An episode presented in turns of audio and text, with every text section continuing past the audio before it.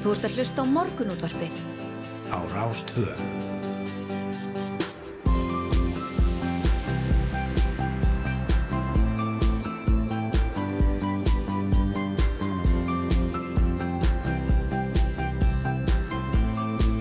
Morgunútvarpið Á Rástvö. Morgunóttarpið býður góðan dag, fyrstu daginn 10. júni, klukkan ávantar í einhverjar tímindri sjö og það eru yngvar Þórusnáður og Sindradóttir sem ætla að setja hérna með ykkur og fara vitt og breytt til klukkan nýju. Einmitt, annar fyrstárun í júni gengin í garð Já, og þá erum við að gera nýtan. já, nákvæmlega. Þetta er, þetta er svona hérna, falleg helgi í vændum, held ég getur við sagt. Algjörlega. Eh, Fallegt veður svona víða, fyrir nú betri við það hérna, já, svona upp úr klukkan sjö. Það var alltaf hann dásand veður hér á höfbrukarstæðinu í gerð. Já, Það var æðislegt. við nutum þess út í sólinni. Já, Já, herðum, við ætlum að ræða um mikið þætti dagsins. Eh, morgunblæði greindi frá því í gær að verið var að setja upp 50 fermetra sólarsellur í Grímsey og afl þeirra er svipað og tveggja tilrauna vindmilla sem settur voru upp í vor en þessar framkvæmdir eiga að gera Grímseyinga óháða rafmagni sem framrænt er með díselolju og við ætlum að ræða um orkumálin í Grímsey og hvort skimsanlegt sé hreinlega að setja sólarsellur á öll þök þar við Karin Ótt Haldósdóttur formann hverfis ráðs Grímseyjar. einmitt og svo voru allar tölur rauðar að kaupöllinu, ekki sett? Jú, jú, uh, markaðurinn hérna heima lækkaði um 9,9% í síðasta mánuði. Lækkunum var tölvert meiri uh, en á öðrum hlutabriða mörkuðum í helstu viðskiptalöndum.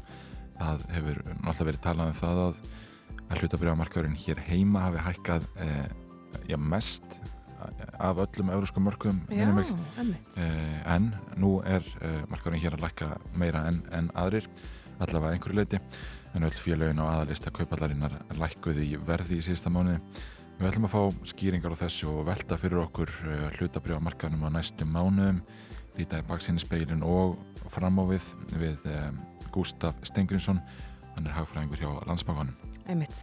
Það verðist alltaf að vera þessar öfgar í íslensku efnagslífi. Hann er við að með mesta batan eða, eða mesta niðurtúrin. Svona, hérna, það er lýsandi Já, algjörlega.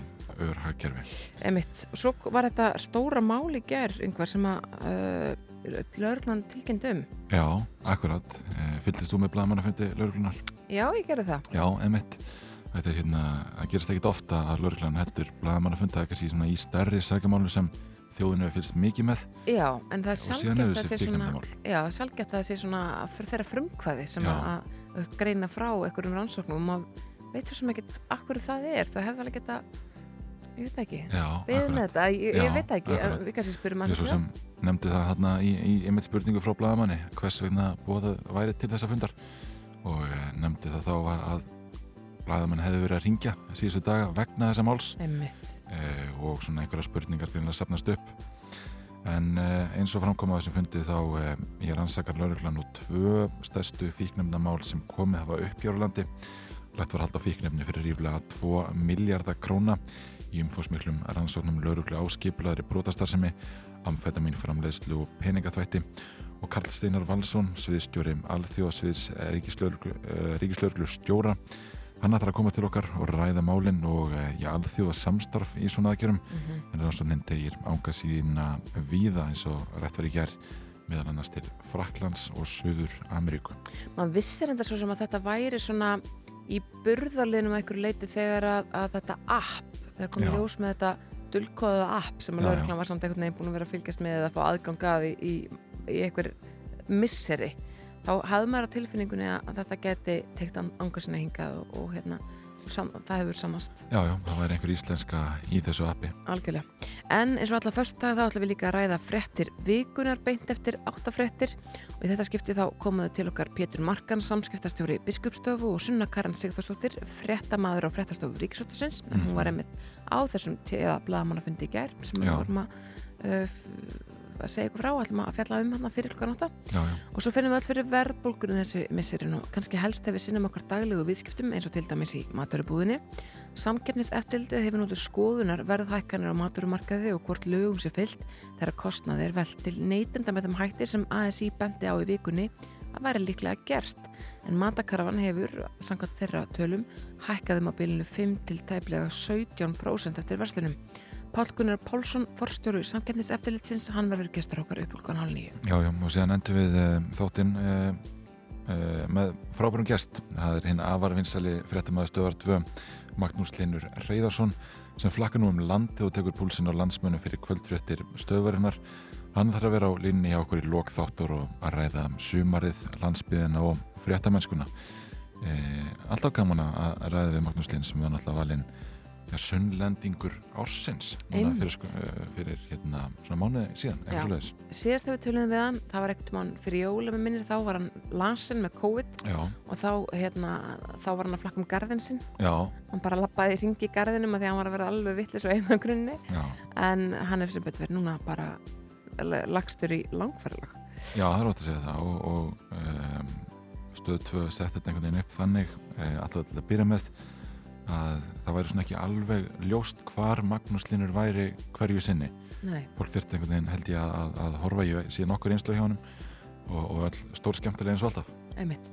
Hér að fórsýðu frettablasins er um, frett sem að en við grunum nú sé skrifið að reittstjórnum sjálfum SCR að frettabla.is þetta er ekki Mhm. Simundur Ernir Rúnarsson Það Fimm náttúruvendarsamtök ásvönd hópi landeganda í grendu hverfisfljóti skaftarreppi hafa kært ákvarðin sveitarstjórnar skaftarrepp sem að gefa út framkvæmdalegu vegna 9,3 megawatta virkunar við hnútu í hverfisfljóti.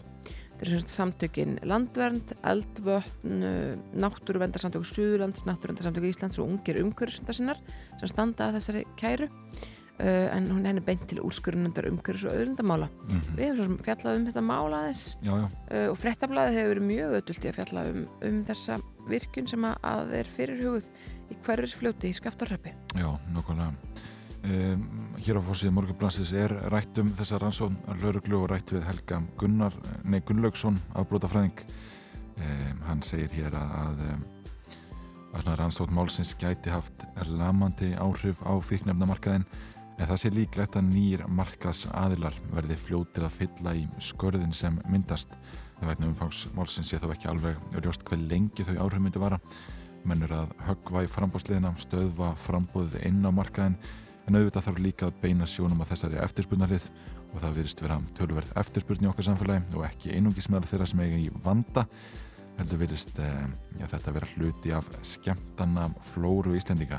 Þetta er það stórt, það umfórsmikið þetta virðist ná í erraðir fleiri en þeirra sem eiga við výmöfna vanda að stríða, segir Helgi Gunnlaugsson afbrútafræðingur Einmitt, en er það ekki einmitt klassist að markanum sé svolítið haldið uppi af svona jamkaupendum? Jú, ég hérna allavega svona einhverja tegundir fíknefna gerir maður áfyrir Mm. mm. ég, ég einhvern veginn þekki ekki sko nákvæmlega hvað kannski sem auðvitað fyrir, hvað, hvað fólk er að, að, að taka um, á einmitt, ekki svo sem heldur. Um, ég sé hér uh, fyrir þau sem hafa áhuga því, þá er uh, brúköpsblað sem að fylgir fréttablaðin dag. Það er ekkert lítið gaman að fara í brúköp á sumrin, Nei, þannig að það styttist í, í, í það. Uh, Ætlar þú að fara í brúköp? ég ætla í, í uh, brúðkaup og, og til Rúmeníu, ég geti sagt þér Já, einmitt. uh, það ætti að vera heilmikið aðeindir Þú ert að kíkta á þetta blað og sé hvað, hverju þú átt að vera í Já, svona. heitasta tískan og, og hvað helst á að gefa Algjörlega.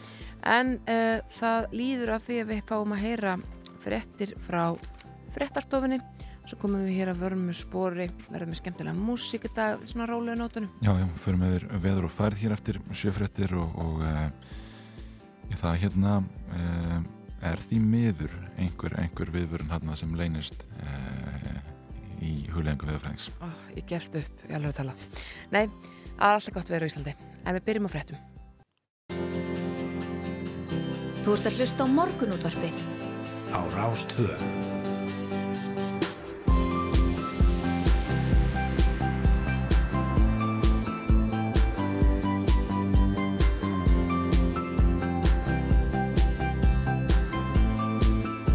Rástvö. Morgunútvarpið Á Rástfö. Jú, við byrjum enn og nýtt góðan dag í morgunútvarpinu hér á Rás 2. Snæra Sindardóttir og Yngvar Þór Björnsson með ykkur til klukkan nýju og það er förstu dagurinn 10. júni. Já, einmitt fyrir vitt og breytið þættinum í dag við ætlum að ræða orkumálin í Grímsey íslenska hlutabriðamarkaðin sem eh, lækkaði töluvert í síðasta mánuði Við ætlum að ræða eh, já, þessar rannsókn laurugla á umfórsmiklu fíknefnamáli farið við fréttir vikunar, eh, ræða samkeppni og verðbólgu og enda síðan þáttinu á því að ræði Magnús Linn Reyðarsson sem flakkar nú um landið og tekur púlsin á landsmönu fyrir kvöldfréttir stöða 2. Emitt, og kannski skynsamlegt hjá Magnúsi að ætla að vera á Norðurlandi í dag, Norðurlandi vestan, vestra nána tildekið, því að það eru gular viðvarnar í gildi á hans heimaslóðum, Suðurlandinu. Og það eru gildi þangað til síðdeis eða um fjögurleiti þegar allt er, allt er orðið samt aftur, segir hér í hugleðingum viðfræðings að leifar á kvassveri gerdagsins séu enn með Suðurströndinu og gular viðvarnar því gildi fram á eftirmiðdægin Ryggning þar og austanlands en ég bel talsverð ryggning á austfjörðum. Annars er norrlega 8-5-13 metri á sekundu úrkomu lítið norðan til og bjartað mestu á söðvestur og vesturlandi. Uh, ég ætla að kíkja hérna aðeins á kortið. Uh, þetta er svona, þetta er ekkert æðislegt, við getum orðað þannig að það er heitast hér á höfuborginni og í borgarferinum uh, og í árunnesinu þar sem eru 17 stig þannig að í hátteginu, þannig að það er nú bara fallið gott og það verður dásamlegt þar í kvöld, þá verða 17 stegi heiðskýrt 8 metrar sekundu en við bara fólk bara kemur sér fyrir undir, undir já, réttum vegg sko. Nú hressandi af augustin Já, já, hins vegar verður ansi vætusamt fyrir uh, norðan og norðaustanlands á morgun, lögadag hér í hátteginu alveg grennendir regning og og uh, já, henni sleppur ekkert þar alla helgina. Nei. Gæðinu með miskipt þess að dagana. Já, talandum ferðalög þá held ég að við ættum að fara hér ástuðt yfir uh, helstu tíðindi á vegagerðarinnar. En uh, ef það er svona hitt á þetta sem áður rættum það er, já, hér á höfborgsvæðinu er vinna við lengingu vinstri beigjurreinar á Sæbrut við Skeðarvók og vegna framkvæmdana verður núverandi beigjurrein lokað að hluta og má búast til lítisláttar töfum þar. Á Reykjanesbröðinni er unnið við lengingu vinstru beigur reynar eh, við bústæðaveg og vegna framkvæmdana verið núverandi beigur reyn lokað að hluta. Og þar verður einhverja tafir er leiðis eh, á nesjöðvalla leið er ennverða að, að hérna eh, taka upp kveikmynd Já, einmitt. Og þar verður umferð stýrt eh, á vestfjörðum eh, vegna framkvæmda á Þverdal er vegur þröngur og varasamur. Alltaf sé ykkur svona endurtökur fyrir þessa bílamind sem var hérna Það gæti verið, já, já. já. Það, var, það var allt lokað Allt lokað bara og, og víða einhvern veginn í, í marga daga. En á Norrlandi er unnið að viðhaldi á brúni yfir Eyjafjörð við Leiru á Ólasfjörði er unnið við lagfæring á Ræsi við Brimnes og umferðið beint hjá uh, ja, beint framhjá um hjáleið þar sem hámasræði er tekið nöður í 30 km klukkusund. Akið varlega segir hér á veðgerðarinnar en áalluð verklokk eru í júli. Á Íslandi eru reyndirinn okkar eh, á ferð víða. Mm -hmm. og á Suðausturlandi frangvendir við slítlags eh, slítgólfskipti og móttur eh, eru á brúni yfir kota á Háringvegi og henni er frá 8 til 6 dag hvern ljósastýring á brúni og maður búast við að hver lókun eh, takjum 15 mínútur í senn. Yeah. Það er hitt og þetta að frétta hér á vegagerðarnar. Algjörlega skulum heyra smá ljúa tóna aðurna fyrir maður að spjalla um eitthvað skemmtilegt hér eftir skama stund. Þetta er Hafðu yngar áhyggjur með K.K.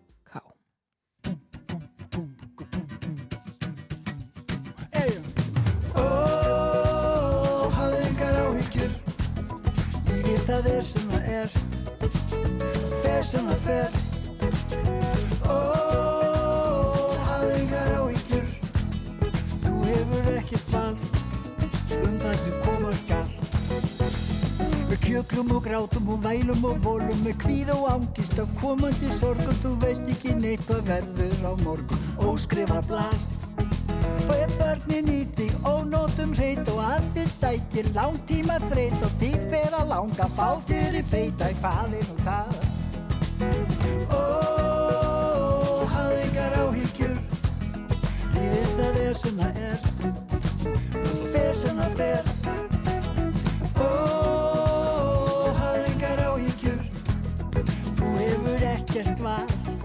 Um það sem koma skal Vondir kallar, hlæ og slakk eins og púkar á rjári, ræ og rakka og tak og taka án þess að þakka og græta þig.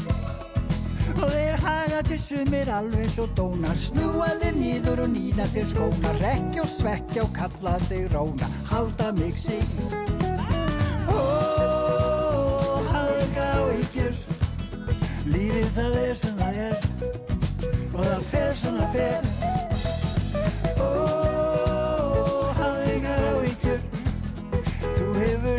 val Um það sem koma skal Vondir menn vilja til flengja, berja, brenna, drepa og hengja til hungrar í réttæti byrjar að svengja alveg eins og mig.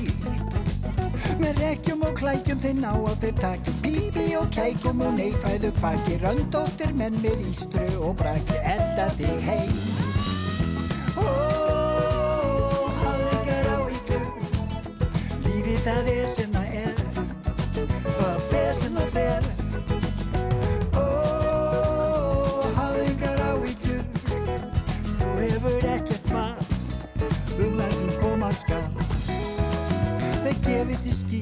stendur á sama skikja á sólina Öllum til ama skilja okkur Eftir arga og grama Við rekum til sjós. En heimur er vondur og skilningsljór Og sjóarpið býður með ískaldan bjór Og gleipir öll vandamál lítil og stór Draumur í dós. Ó, hafðu engar áhyggjur Lífið það er sem það er. Og það fer sem það fer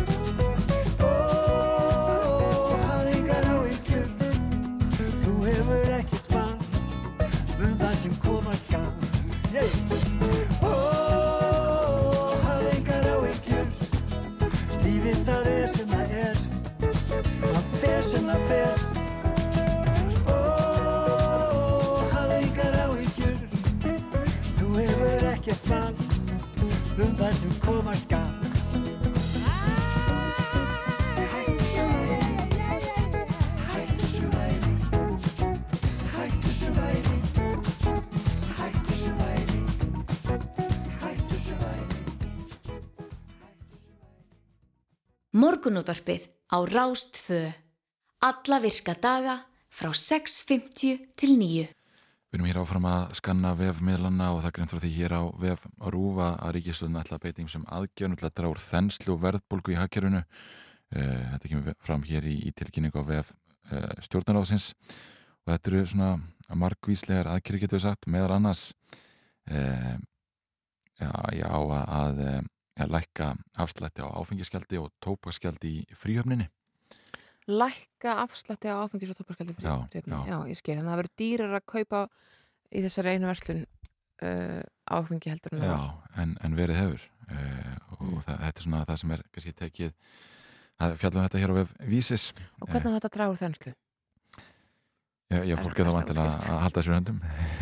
Í fríöfni ég ætla það ekki, það kemur úr fríöfni? já, svona einhver leiti uh, og, og hérna og það er ýmislegt annað, það er breyting á gjaldtöku bíla, einmitt minni afsláttur á áfengis og tópaskjaldi, varlega lækkun ferðakostnæður hjá ríkinu og lækkun á framlöfum til stjórnmálasamtaka. Það getur nú haft einhver áhrif um, en það verið fyrirkomulag og umfang verðmæta gjalds vegna sjókvíaldis endurskoðað og vara flugvallagjald eh, lagt á. Eh, það er eflust þetta að kafa dýbra í, í þessar tilögur eh, og þessar aðgerir Já, þetta er, já, emitt, þetta er fornulegt. Ég, ég, ma- þú veist, þetta er mjög áhugavert af því að áfengiskjaldi hefur hækkað með, eins og við fjöllum um í þessum hætti, með mjög markvið sem hætti ykkur einustu fjárlögum bara undanfarin ár.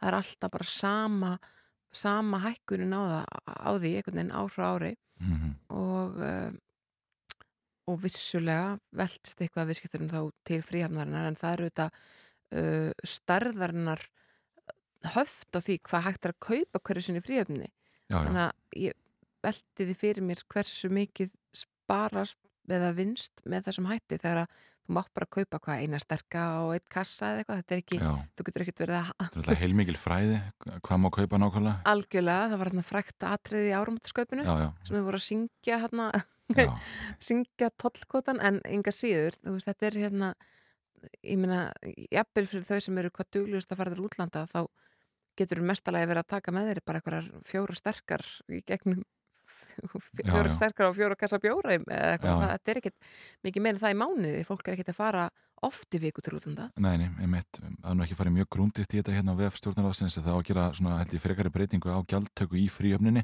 Mm. þannig að þetta er áhrif á, á namiköpin líka, Æðislegt, frábært. hlýtur að vera Erum við skulum uh, heyra hérna smá músík Lessons in Love og svo uh, já, Ringjum við til Grímsæjar? já, ég ringi til við ætlum en þessi áfengisgjöld, þetta er skellur að fösti, er það ekki? Er, er, er það ekki?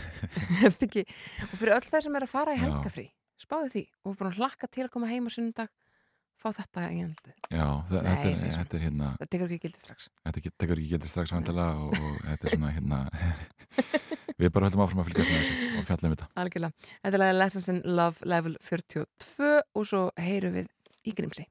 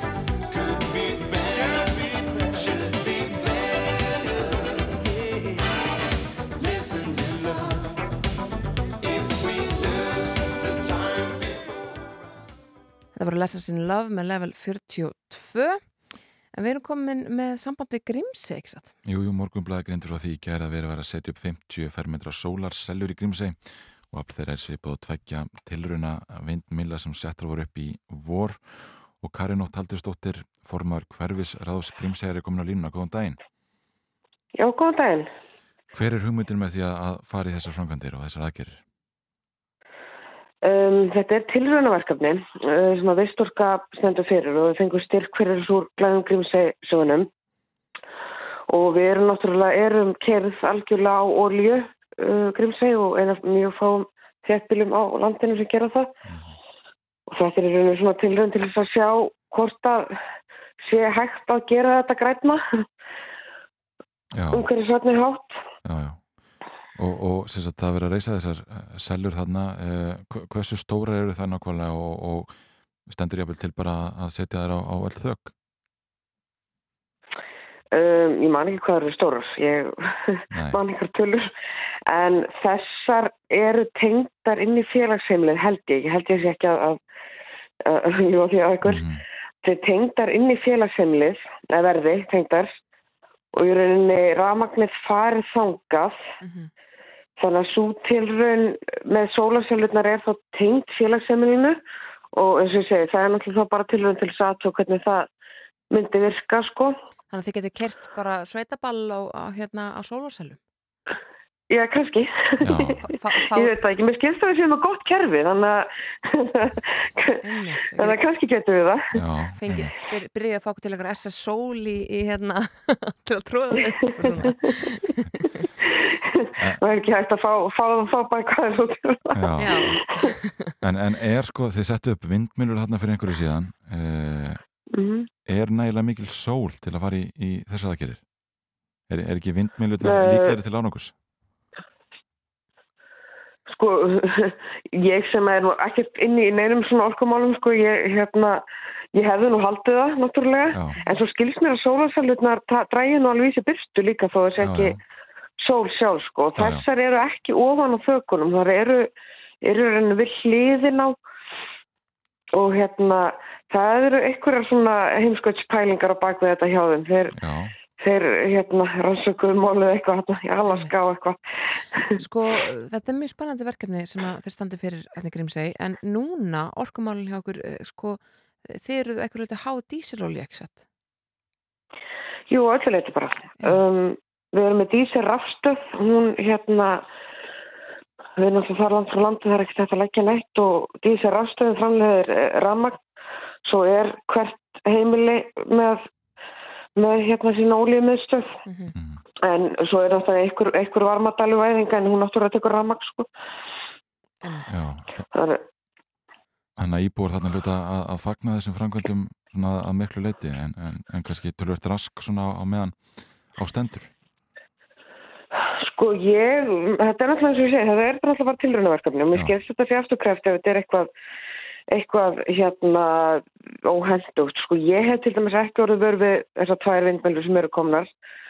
Ég heyr ekki þeim, það var náttúrulega voru ágjör á hljómingun og fuggladöðu og svona en ég hef ekki, ekki orðið, allan ekki við þessar tvær Nei, hef ég orðið, orðið eitthvað vör við sko nei, nei, og ef þetta náttúrulega verður til þess að, að svona það sjálfsögðu með umhverju sjónamið sko en líka ef þetta verður til þess að lækna uh, orku kostnað heimilana því að það er náttúrulega með dýrt að kynnta með olju Mhm, og van á það hvað er bóðslega óumhverju sent.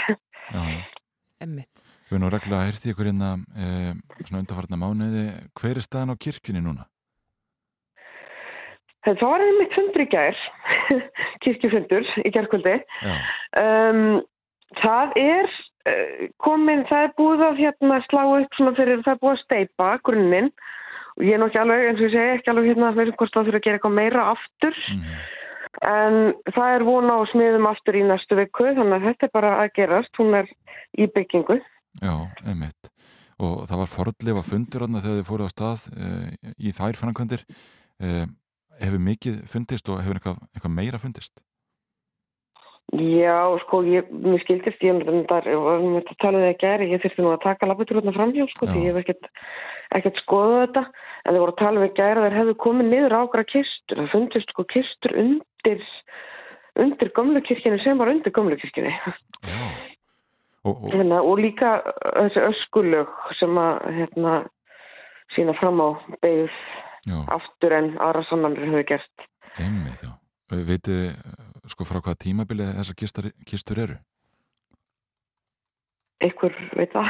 Einhver veit það, já, Um, já, að ljós. En það eru fórlega fræðingar hérna og hún alltaf var færið þarna fjórum metrum aftar Já, kirkjan og ég er ekki með á þeirnu frá hvaða tíma þessar kistur eru. Kannski er það þú verið að rannsaka, ég veit það ekki. næ, einmitt. Einmitt. En hvernig verður sumar þarna hjá okkur rétt í lokin?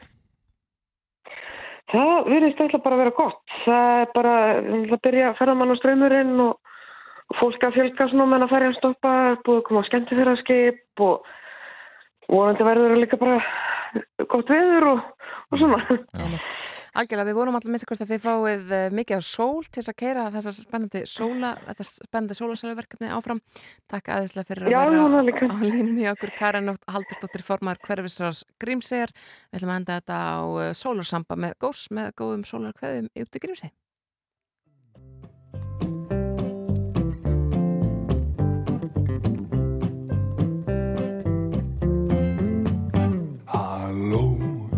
Komið öll á fætur.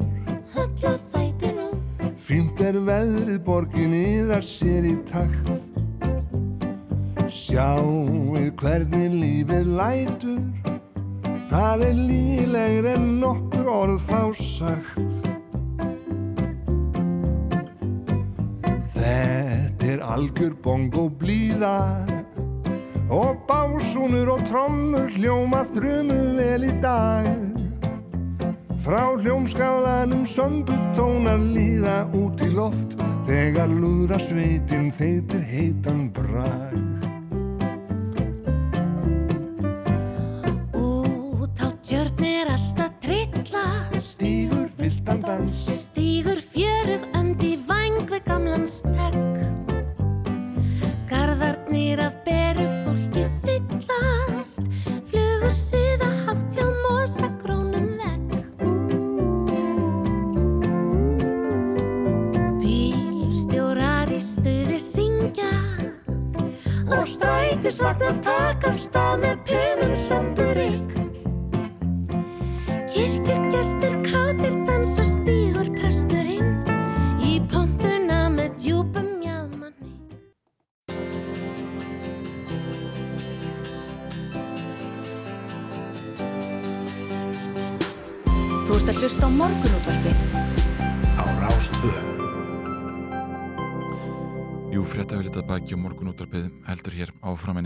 hlutabriðamarkaðurinn lækkaði um 9,9% í síðasta mánuði og lækkunum var ja, tölvert meiri enn í mörgum öðrum um, á, á mörgum öðrum mörkuðum í helstu viðskiptaröndum getur við sagt Einmitt. en öll félögin á aðalista kaupallarinnar lækkuði í verði og hingaði komin Gustaf Stingriðsson, hagfræðingur hjá landsbankunum, góðan daginn. Já, góðan daginn. Hvað skýrir þessa ja, töluverður lækkun? Já, sko, það var náttúrulega mikið lækkun og svolítið mikið skjálti þarna á mörgum, bæði hérna heima á Erlendis þarna í byrjun mæ þegar að Selabankin hækkaði stýrivexti sína um hálft prósent og svona gaf til kynna að fleiri vaksta hækkanir væru framundan. Og já, flesti markaðnir voru svona, náðu svona jafna sér fram að mánamótum og hækkuð aðeins frá, frá þessum gildum sem að markaðnir duttu í þetta þegar að Selabankin hækkaði vexti en ekki svo íslenski, hann held áfram í raunin að lækka og var svolítið veikur og, og það sem bættist við hérna náttúrulega á íslenska markaðinu var að stýri, nei, Selabankin á Íslandi hann hækkaði náttúrulega vextina verulega núna 18. mæjum, heilt prosentstig og gaf náttúrulega til kynna að væru fleiri, fleiri vaksta hækkanir í vendum.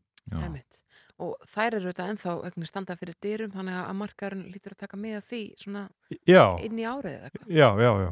Og, og það er náttúrulega, má kannski gefa sér það að, að bara í ljósi sögunar að þá þurfi Sælbankin hérna heima að mögulega hækka vextina aðeins meira heldur en að gengur gerist erlendis. Mm. Þannig að kannski verður höggið aðeins meira hérna. Það er að segja að því að þegar að Sælbankar hækka vexti að þá hækkar áherstur að krafa á fjárregnir sem hefur verið alltaf neikvæð áhrif á, á bæði verð hlutabriða og úrskuldabriða. Mm -hmm. En hvernig stendur á svona öfgum á íslensku efnahagslífi að við einhvern veginn okkar bati er alltaf hraðar heldur en annara en og núna þú veist þá erum við einhvern veginn að lækka meira heldur en aðrir.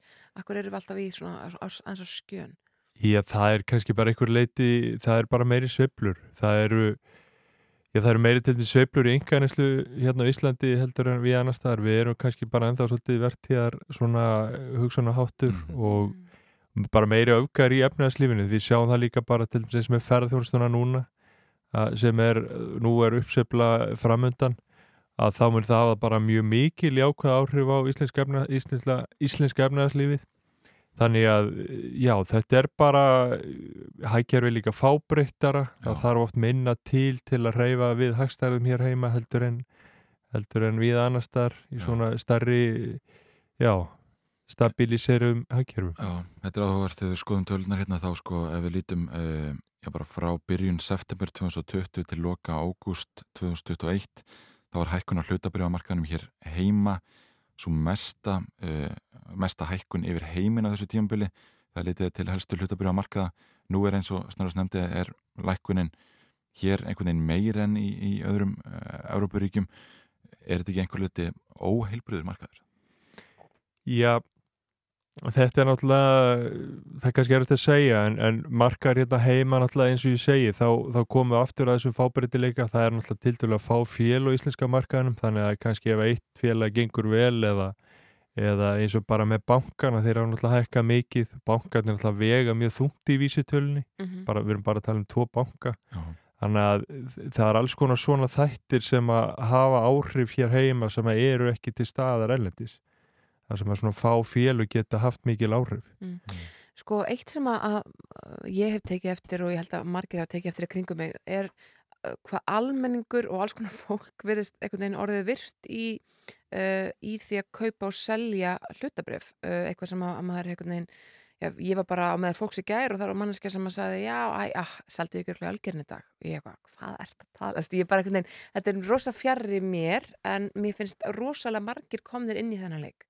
Hafið þið tekið eftir þessum breytingum? Að það sé bara virkilega mikill áhugi almennings, fólk sem á kannski ekkert einhverja mikla peninga en er að gamla með þessum hætti? Já, já, það hefur bara viðskipti hafa snar aukist á í kaupöldinni núna á síðustu árum og bara núna til þess að fyrstu fimm mánuðum þessa árs voru viðskiptin meiri heldur en allt árið 2019 og við hefum séð þess að þróun svona síðustu ár er að almennings er er að vaksa þegar almenningur er að koma inn í frumútbúðin það var náttúrulega mikil þáttaka til þess að má segja kannski, þetta hafi kannski svolítið byrjað með útbúði Æslandir Mhm. þar var mikil þáttaka, útbúði gekk vel og svo hafa þessi útbúð verið að ganga vel, þessi frum útbúð þar að segja þegar félagin er að koma inn á markaðin eins og Ölgerði bara núna og, og Play og, og annað slíkt að, að uh, það hafa komið hækkanir í kjölfæri þessar útbúða þannig að það hefur kannski líka svolítið aukið áhuga fólks um að taka þátt í frum útbúðum og vera með, skulum við segja, ekki að setja endilega mikið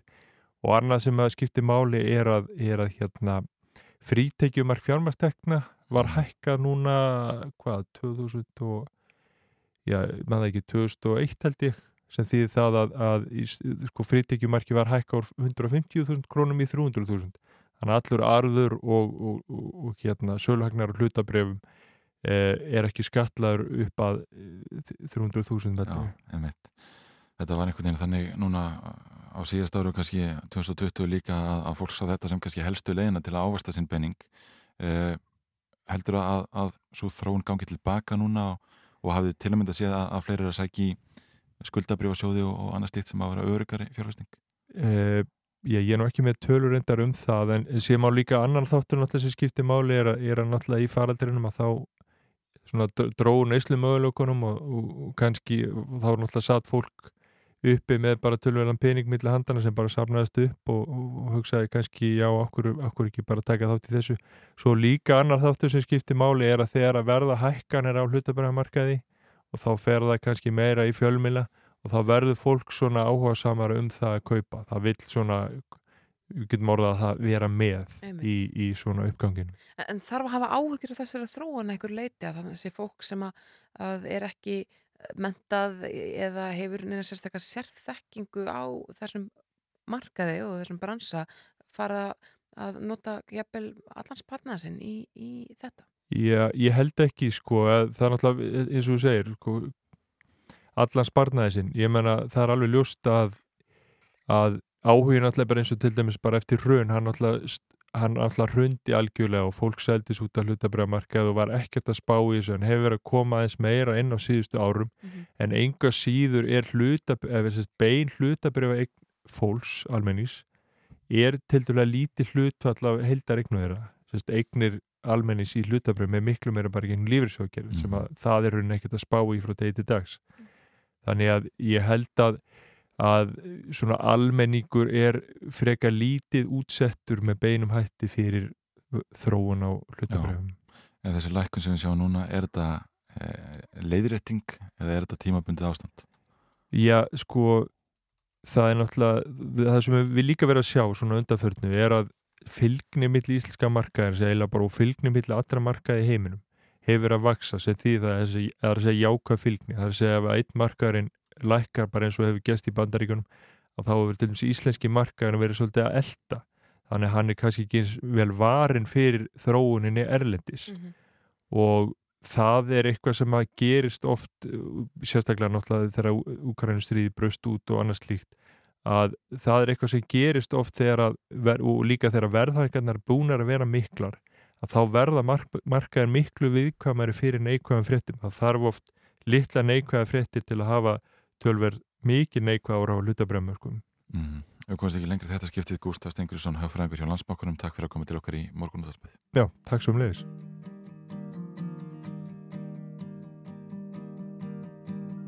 Taking over this town, they should worry.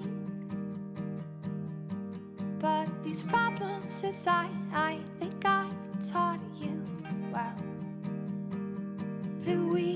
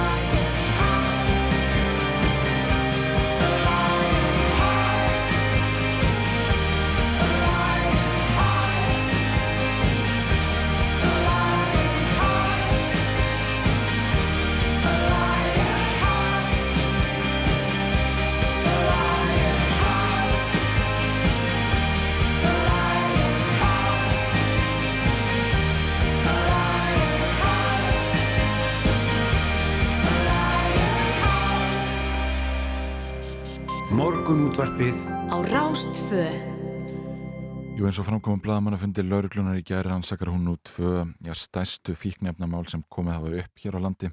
Rætt var hald á fíknefni fyrir ríflega 2 miljardar króna í umfásmiklum rannsóknum lauruglu á skipulaðri brótastarfsemi, amfetamin, framlegslu og peningaþvætti og Karl Sinnar Valsson, sviðstjóri alþjóðsviðs ríkislauruglustjóra. Er hinga komin, góðan daginn. Góðan daginn.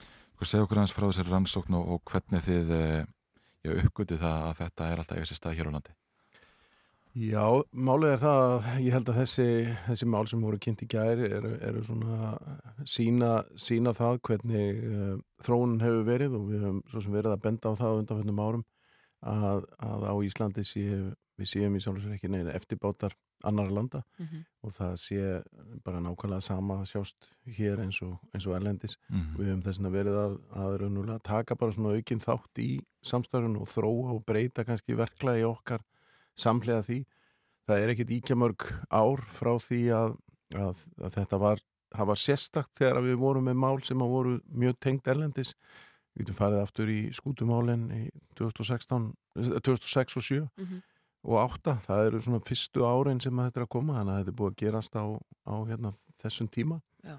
Og að mínum að þetta sýnir þetta bara gildi þess að, að við sjöum mjög stert alþjóðastarf sem að markast af því að vera með bæði sterkarsamminu og einnig að öll svo umgjör sem að laurugla á Íslandi sé að vinna eftir sé með sambarilum hætti og þá held ég að sé nöðsilegt að nefna það að eins og í þessum tilvikum að þá, þá er það árið 2020 sem að þá er andir á þeirra Áslug Arna setur svona ákveðna línu varðandi samvinnu lauruglega og, og eh, setur bæði það koma nýja verklagsreglur og það kemur svona ákveðin umgjörð utanum um það samminu embættana og það eru sett upp fjármunni til þess að styrkja lauruglu talsverð með annars tæknilega séð sem að var mikil þörf á.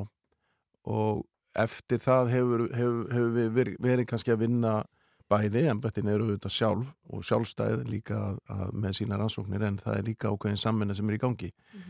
Þetta gerir að verkum að, að uh, við náum að nýta ennþá betur uh, til dæmis skrifstofu okkar hjá Europol sem er nú kannski svona hjartað í þeim upplýsingum sem að þarna eru að koma, það, það er koma í gegnum það samstarf sem er búið að vera mjög gæfuríkt samstarf síðan, síðan raunverulega samningur 2001 og síðan skrifstofan opnum 2007 að þá, þá hérna, koma upplýsingar sem í þessu tilviki eru dulkóða samskipti brótamanna það má kannski lýsa því þannig að þarna var brótahópum seldar leiðir til þess að hafa samskipti sín á milli án þess að, og það átti að vera 100% trygging á því að ég vil kemast ekki inn í það. E, þessi samskipti eru þannig að, að frönski vil komast inn í þau og uh, láta hérna, lauruglembettum í tíu upplýsingar og við erum þar á meðal út af raunulega þessu samstarfi. Mm -hmm. og þarna fáum við upplýsingar um einstaklinga sem að einhver leiti auðvitað voru kannski þekktir hjá okkur en við okkur hefði ekki tekist eins og vel að ná árangri gegn. En náum því raunulega með þessu. Og það sem er aðteglisvert í þessu og sýnir kannski þróunina er líka er að, að nágrannlöndin eins og til dæmis svíjar, þeir, þeir hafa farið í mál algjörlega byggt á þeim gögnum og upplýsingum sem þar eru segjum að við þrjú hér væri með samskiptu okkar á milli um einhverja bróta starfsemi, þetta er nú ekki alltaf fíknefnamál, þetta eru auðvitað margvísleg bróta starfsemi Mhm. að þ- þá leggja þau þann, þannig fyrir dómara domstóla í Svíþjóð og hafa fengið sagfellingar á því það hafa ekki þurft til dæmis handlækningar á efnum eða, eða, eða, eða annað með, með þeim hætti og það er að því að menn hafa bara litið á það að þarna er alveg greinilega hérna, sannanir fyrir brótastarfsemi þeirra og, og það hefur verið staðfist að dómi. Einmitt. Þannig að það er mjög aðteglisverður þáttur og ég held að það sé eitthvað sem við þurfum að skoða og þess vegna þurfum við náttúrulega að tryggja það að lagum hverju hér þurfi, það þarf alltaf að vera í þróun við höfum svolítið verið þannig á Íslandi finnst, finnst mér að, að, að, að við tökum þetta svona í einhverju stökkum og það er á einhverju svona 10-15 ára fresti sem eru Mm. gerðar einhverjar breytingar en það bara er algjörlega úrelt að, að, að hérna, ef við ætlum að vera í alþjóðastarfi og við ætlum að árangri þá þarf alltaf að vera að þróa hérna, umgjörðina að, og kröfunar eðlilega til öruglu. Það, það hefur aðeins svona loða við uh, umræðu um þessi þennan brotaflokka að það, sé al, að það náist aldrei höfuðpaurarnir. Uh, það, það séu alltaf eitthvað svona, já, minni leikmenn sem að séu neðar í keðjunni sem að séu að framleiða eða smikla eða Mm. að, að við náum aldrei toppunum. Teljið þið í þessu máli að þið hafi náð höfuðpaurunum í uh, varðandi framleyslu og innflutning á fíknefnum hinga til lands? Já, ég myndi segja það. Ég held að, að það sé, sé ljóst á vísjum konir allavega verulega hátt í því og það er meðal annars byggt á þessu. Já. Að við erum að sjá þarna í, í þessum gögnum erum við að sjá raunulega samskiptin og það er engin, engin vafi á því hverjir er að tala saman og hvers eðlis það er. Já, en þetta eru sko fíknefndi fyrir yfirlega 2 miljardar króna getur þú sett þetta í einhver samengi fyrir fólk sem skilur ekki þessu uppæri er þetta, er þetta efni sem myndu endast í einhver ár? Það er bara frekar erfitt að segja til um það vegna þess að markaðurinn hefur náttúrulega líka verið að, að aukast, hann, hann hefur verið talsveit aukinn og, og, og auðvitað er það líka þannig að við höfum verið að sjá að, varðandi ákveðin efni að, að það Íslandi hefur líka verið að allavega verið að miðla til nágranna landana við höfum verið að miðla fíknefnum til, til færi og grænlands. Þannig að við erum að framlega efni sem er, er smiklað út úr landi. það er alls ekkit útiloka og það, það eru reynda dæmi um það í ákveðnum tilugum við höfum ekki séð kannski skýr dæmi á því varðandi amfetamin en það er alls ekkit útiloka Mm. og það, þetta er snýst auðvitað bara fyrst og fremst um það því hún nefnir svona háa tölur. Það snýst auðvitað um það að, að, að um, þeir sem eru í þessari brotastarfsemi þeir vilja auðvitað ná miklum ágóða sem, sem, sem fyrst og beita allra, allra leiða einn leiðin eru auðvitað að koma sér líka inn í almennar rekstur og reyna að láta penningana þannig vinna, vinna Mhm. fyrir sér og koma í þannig inn og það er auðvitað það sem að um, eiga að vera okkar áherslur að það er ná í fjármunina Mhm. þannig að, að við við getum sagt að þarna hafi tekist að koma í veg fyrir verulega mikinn ágóða þessara einstaklinga en við máum heldur ekki glema því að þetta er ekki eina brotastarfsemi sem hefur verið í gangi til dæmis á þeirra vegum þannig að það er spurningin um hversu mikill annar ágóði er á þeirra vegum Einmitt. og það er náttúrulega eitt af því sem að lögregla þarf að skoða og leggja kraft í að, að finna þá fjármenn Það þarf að þvætta þetta fyrir til sem að ja, svona fæst með þessum ólega hætti. Egið vona því að, að það verður hreinlega einhverjum fyrirtækjum eða hafið þið nú þegar lokað fyrirtækjum sem að eru sko alfarið utan um það að, að þvætta peninga. Rekstur sem að er einfallega, já, bara yfirskinni við það. Það ég mm, kannski get ekki satt beint til um það þá eftir aðeins að, aðeins að skýrast í, í hérna svona næstu vikum hvernig, hvernig það er, en það er bara alls ekkert útiloka Já. að það sé þannig vegna þess að, að það er auðvitað eins og segi, það er eðliðist þú, þú hérna peningarnir vinn ekki mikið fyrir þig að þeir eru bara undir kottanum þeir, Nei. þeir, menn, í eru að reyna að finna leiðir, leiðir til þessi á að það grafi í garðinum. Þannig að þetta er auðvitað en, en, en þarna kannski kemur líka sá þáttur sem að ég var að nefna í upphafi að, að þarna getum við ekki bara hort til Íslands. Við getum ekki leift okkur að horfa svona hérna, blind á það að, að það þurfum alltaf að vera hér. Eh, við höfum séð það bara til dæmis á þessum rannsóknum að það, það er verulega mikil starfsemi og umfang einstaklingana utan landamæran Já, já. og það, þessi skipulega bróðstar sem er virðið náttúrulega engin landamæri. Nei. og þess vegna verður við í grunninn alltaf að vinna út frá þeim. Já, það er hérna rætt við Helga Gunnlaugsson afbrótafræðinga á fórsíða morgunplansins og hann segir að, að svona, þetta mál geti allt lamandi áhrif á fíknefnamarkaðin en að það sé líklegt að nýjir markaðsælar verið fljótir að fylla í skörðin sem myndast. Eh, hefur ágjör á því eru aðlar hérna úti núna eh, hér heima eða erlendi sem sjá sér nú leika á borði Já, við getum bara alls ekkert útloka það að það, það verður með þeim hætti en við teljum til dæmis að við séum að höggva mjög hérna harkalega inn í allavega einna lang svona umfangsmestu hópunum sem hafa verið hér á landi Mhm. og, og ég er alveg samfærum að það mun hafa áhrif en hvort það verði kveikja til þess að aðrir reyna að fylla upp í skarðið það er alls ekkert útloka Geta búið til Það frekari verður- átök í undirheimum Ég veit það, það ekki það, það, þeir, sko, þau hafa nú verið blessunulega á Íslandi svona frekar afmörkuð. Auðvitað hafa verið með mjög sorglega dæmi um, um hérna tengt í en þau hafa verið frekar sorglega við höfum ekki verið að sjá það er svona uh, þá sín sem hefur til dæmis verið eins og í Svíþjóðu við höfum ekki verið að sjá það. En en, en af hverju er líka spurning sem maður á kannski að spyrja sig af hverju er það, er það eitthvað í íslensku samfélagi sem er með öðrum hætti? Mhm. er, eru, eru við hérna friðsætlega einhverju leiti Kærleiksbyrnir í Ég, íslenskum ég veit það, það, ég meina, það, er, það er líka við, við erum, það er, það er ekki þú veist, það, það er ákveðin atrið hér sem að við erum ekki að sjá annars staðar. Já, Mm. og við erum að sjá samminu milli brótahópa hér sem að er ennþá þannig sem að hefur þótt mjög undarlegt Já. Já. og sérstætt Rannsókn er langt komin í þessu máli, eh, sko, hvenar er svona frekari frétta að vænta?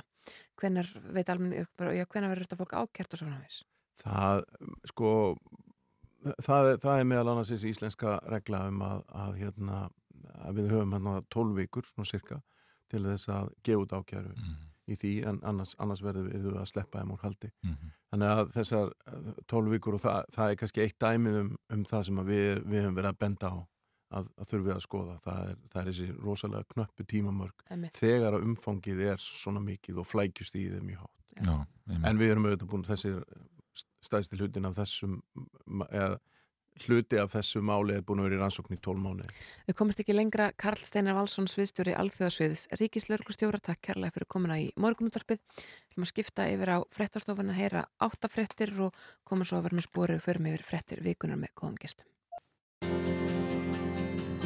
Þú ert að hlusta á morgunútvarpið. Á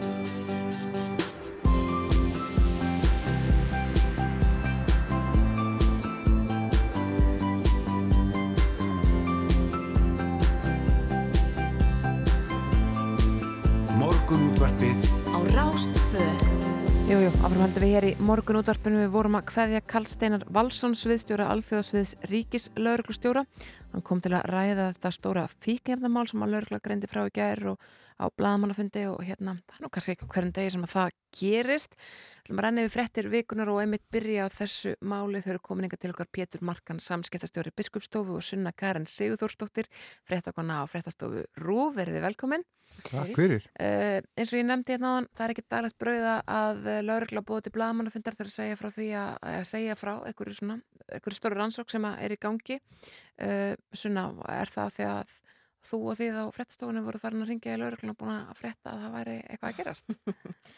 Rindar, rindar voru búin að frétta þetta en, hérna, en þetta er auðvitað bara risastórt mál og hérna og lauruglan vil mögulega bara ganga úr skugga um að allar upplýsingar séu sannar og réttar Já.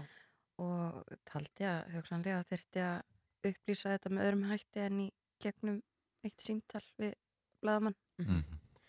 og ég meina þetta er náttúrulega bara risastórt og, og hérna á uppruna sinn þarna í Fraklandi og til ánga sína síðan til Suður Ameríku og, og hérna já, veist, þetta er náttúrulega bara miklu stærra en, og umfangsmera en við hefum nokk tíma að séð hérna Íslandi Pétur, maður sér að, að þetta slæri fólk svolítið, að, að, að þetta sé svona háar upphæðir og, og svona mikið af, af efnum. Uh, heldur að, að kannski Íslendingar gerir sér ekki alveg fylla grein fyrir því eh, hvað er í gangi hérna? Nei, ég held ekki.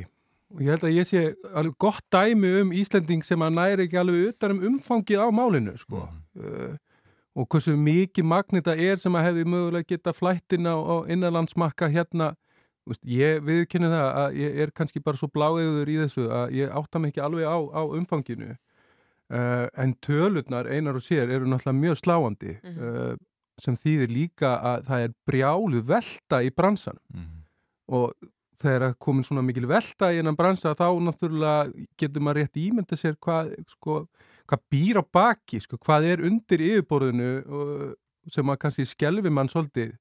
Um, það er það sem að kannski svona, ég velti aðalega fyrir mér það og svo bara uh, þetta, þetta, þetta brjálaslega magna af, af, af alls konar fíknæðnum sem er í alls konar ástandi sem er síðan að flæðin og markaðin sem að, þú veist, leikur náttúrulega fólk alveg ótrúlega grátt. Bara, Það er líka þessi basi sko sem að það fannst þarna gríðilegt magna af bæði amfetamin basa og MDMA basa og þessir basar einir og sér uh, geta framleitt 20.000 og, og í rauninni mörg 100.000 töflur. Einmitt. Þannig að sko það sem að var tekið er ákveðimagn en það sem að hefði geta orðið hefði verið miklu, miklu meira Mhm. og þarna er þetta bara, þetta er gimtin í atvinnuhúsnæði og innarhúsnæði og svo er þetta blanda þarna í einhverjum sumabústöðum og það þarf þekkingu til þess að gera þetta það er hættulegt að gera þetta, það er hættulegt að anda þess að sér og, og það sé svona, hefur verið líkt við svona Breaking Bad þátt efnafræði kennara sem er þarna bara eitthvað Mhm. í hérna einhver með húsbíla að kokka eitthvað upp Já, Mm. Sko, þetta mál veikur auðvitað mikla spurningar um eftirspurnarliðina uh, af því að þetta er svo, þetta er svo gífulegt magn um, og það er ekki þannig að þó að umræðan þegar kemur að fíknjáðumálum snúist þú svo oft um fólk sem er mjög veikt uh, þegar kemur að þessum efnum og, og býr jafnvel við heimilisleysi og mjög marg þetta vanda. En eftirspurnin slítur að vera drefin áfram af mm, ég vennileg fólki sem að kaupa sér amfetamín á djáminu, mm, ég held að fara ekki á milli mála að það er mikil eftirspurn og það er auðvöld að nálgast þessi efni. Mm. og hérna ég, meni, ég, ég sjálf fór inn svona sem svona tók þátt í sjónvastáttekti og fór svona svona tálbeita að hérna bara koma staði hversu erfitt það er að kaupa fíknefni. Leif greinlega munns meira spendur lífið við en ok en þannig var ég bara fengin í þetta út, ég hef aldrei verið nálægt þessu, ég veit ekkert hvernig ég verð mér út um Já. þetta og ég fór bara nýri bæ og ég þurfti ekki einu svona að hafa fyrir þessu Mm. að hérna þarna bara lendi ég á spjalli og mér voru búin fíknefni Mhm. þannig að eftirspurnin er mikil og það er gríðilega auðvelt að nálgast En ég haldið að þetta fólk sem kaupir þetta fyrir skemmtanalífið átti sig á öllum þessum áhrifin sem þetta hefur að, að þú sé að fjármagna skipulega brotastar sem er með einhverjum hætti og sama? ofbeldi og annað slíkt. Já, er fólk ekki bara nokkuð sama? Það bara stingur höfðin í sandinn og, og heldur áfram að selja. Þetta er sammála þessu Pítur, heldur að eftirspurnin sé einhvern veginn eins og segja, það sé bara venilegt fólk sem að, að kaupa sér fíknefni fyrir fymtaskvöld Já, ég, ég, held að, ég held að vogur uh, tali bara og segja ákveðna sögu um, um þá flóru sem að uh, notar uh, fíknefni uh, að staðaldri Mhm. sko. um, það sem að kannski í gegnum mitt starf þá verður mann líka mjög mikið var við fólk sem að sko, missir fæturnar í samfélaginu emmitt út af svona sögu um, við erum til dæmis með skjólið sem eru fyrir heimilislisar konur Um, og þetta er kannski viðkvamasti hópurinn í samfélaginu sem er síðan er fórnarlamp einmitt þessara brotastarfsemi. Um, er mikið til að, neyta þessara efna. Mhm. uh, og þetta er, veist, þetta er þessi kaldi veruleiki sem að veist, ég upplifi í vinnunni og, og, og, og sínum manni en svo náttúrulega næri þetta væntalega mikið, mikið meiri meiri breytin í samfélagi. Þannig að það er bara óskup önnulegt fólk sem þarf einhvern veginn að dýfka á, á, á helginni sko með einhverjum hætti. Um, og allt er- einhvern veginn endar þetta síðan út af vogi mikið, mikið til sem að það er ekki annað eftirspunni en það sem að slær mig svolítið mikið bara þegar maður, það eru, ef að það er eitthvað sem að veltir tveimur miljörðum ef að það er, er raunhaf tala þá er það brjálæslega starfsemi sem er undir yfirborðinu sem er algjörlega, ég- eðli málsins eftirlistlaus en það er náttúrulega ótrúlegi hluti sem geta uh, orðið til í slíkri veldu og ógnalegi sko. Mm. sem að maður svona situr svolítið eftir með heilmarkar spurningar sko. Já, já, einmitt. Ef við farum okkur aðeins yfir í, í stjórnmálinn þá er búið að skipa helstur ráð og, og nefndir í, í borgarstjórn. Uh, Einar Þorsteinsson var gaggrundur fyrir það að, uh, að dagur held áfram sem borgarstjóri, að þetta var ekki þar breytingar sem borgarbúar hefðu, hefðu kosið. Eru þið sammálað því? Já, svona að vissu leiti, ég minna við sáum hvernig niðurstöður kostningarna voru. Það hérna uh, fólkið vildi breytingar en einhver síður var sjálfstæðisflokkurinn stærsti flokkurinn og uh, hann svona hef- hefur bara verið útilokaður frá öllum mögulegum viðræðum, það var bara engin möguleiki fyrir hann að komast í þessar meirhluta viðræður þannig að ég, ég veit ekki, náttúrulega samfélkingin er ennþá uh, það stór flokkur að, að hérna, þó fólk hafi kosið breytingar þá fjall flokkurinn ekki sko þannig að hérna Næst stærsti flokkurinn Já, einmitt. Þannig að ég, ég veit ekki, hvað hva finnst þér? Ert þú ekki samfélgum Sko ég held að, sko, ég held að augljós sigurveri kostninga er hugmyndafræðin eða ekki. Finnst, sko hugmyndafræðin sem hefur verið að riðja sér til rúm síðustu þrjú, fjögur kjörtjömbil Reykjavík. Hún svolítið sigrar síðan sko, sko kostningarnar og þess að meirilega vera vegna þess að hún, henn er viðhaldið. Framsóknarflokkir með kift inn eh, sem er augljós sigurveri kostningana, óvæntur sigurveri kostningana, Mhm. vinstir grænir detta út en hugmyndafræðin svolítið eins og, eins og menn hafa verið að takast á um Uh, hún er aðna ennþá og, og siglir inn í nýtt kjörtuðumbil og, og nú er það bara einar sem að, og framsóknarflokkurinn sem er svolítið að, að, að veitinni eh, kraftin sem hún þurfti eftir kostningarnar. Uh, ég ekkert neginn, það komir ekkert sérstaklega óvart að það, það er því skipti á miðju kjörtuðumbili, þetta er alveg þekkt fyrirbæri. Uh, við erum nú að sjá alveg ótrúleiri dæmi hérna á höfubókarsæðinu um, um skipti á bæjastur og stóli jafnvel bara þegar það er kannski ekki eins og þriðjungur eftir að kjörtjöfbili þá ætla menn einhvern veginn að skipta um stóla Já, já. Uh, þannig að það er sjálfur sér ekkit uh, kannski engin frétt það er kannski mjög merkilegt stundum hvað við festumst í umræðum það að bæjastur og sveitastur og borgastur sé ekki pólitísk embætti Nei. ég átta mikið alveg veist, hvaðan þú umræð kemur af hverju hún er drifin þetta er svo augljóst pólitísk embætti og getur aldrei orðin eitt annað Mhm. En þú þú, þú varst ráðin uh, sveitastjóri Súðavík, ekki satt? Uh, jú, á sínum tíma e- en sko það er nú samt þannig að ég var sveitastjóra efni Já. Þannig að, að á þeim tíma þá gengi bara einfallega í gegnum mjög sko hardcore atrinu viðtal kostninga þar sem að þú gengur á fund eftir fund og, og tala fyrir því sem að, að, að, að þú stendur fyrir og ætlaðir að gera. Þetta verður ekkit pólitískar en þetta. Nei. og það er pínu hjákallett síðan svona, eftir sveitastjórnu kostningar þegar að menn einhvern veginn segjast að ætla að fara inn í hellin og ræða málefni uh, sem að eru afskaplega svipuð í grunninn í öllum sveitafélögum uh, en það sem er náttúrulega að vera að tala um að þeir neyta allir er að það er bara einfallega að vera að stara á sjálfan stólinn sko. Og það bara skiptir máli hverju bæjastjóri, það skiptir máli hverju sveitastöri að borgastjóri og ég held að það sé miklu eðlar fyrir umræða að tala um þetta bara eins og það er. Uh, að þetta skiptir máli. Við veitum auðvitað ekki hvað næsta eitt og halvt ár sko, hefur í för með sér eh, en, en það svona bendir allt til þess að einar verði fyrsti borgarstjóri framsónaflokksins nokkur, nokkur sinni. Mhm. Sko, er það merki um breyta framsókn eða breyta Reykjavíkuborg? Sko það sem ég veldi líka fyrir mér uh, framsóknarflokkurinn, h- hann hefur aldrei uh, náðins langt og hann gerði núna í þessum sveitarstjórnarkostningum, ekki bara í Reykjavík heldur bara um allt land en þarna var svona framsóknarflokkurinn hefur aðeins verið að breyta um stefnu, við erum að sjá mikið af nýju fólki, við erum að sjá mikið af þekktu fólki Mhm. fólki sem hefur aldrei nokkuð tíma verið í stjórnmálum og, og mögulega ekki fylst með stjórnmálum svona í gegnum tíðina eh, ég hlakkar svolítið til bara að sjá hvernig framsóknarflokkurinn mun tælkla þetta kjörtímabil og, og svona þú veist, Já, hversu einmitt. líkur eru á því að þeir muni aftur ná þessum sama árangri Mm, og þeir náðu núna á þessu kjörtímabil eða í, í ár Einmitt. og þú veist, er þetta bara það að þarna eru þið með þekta einstaklinga í forsvari Mhm.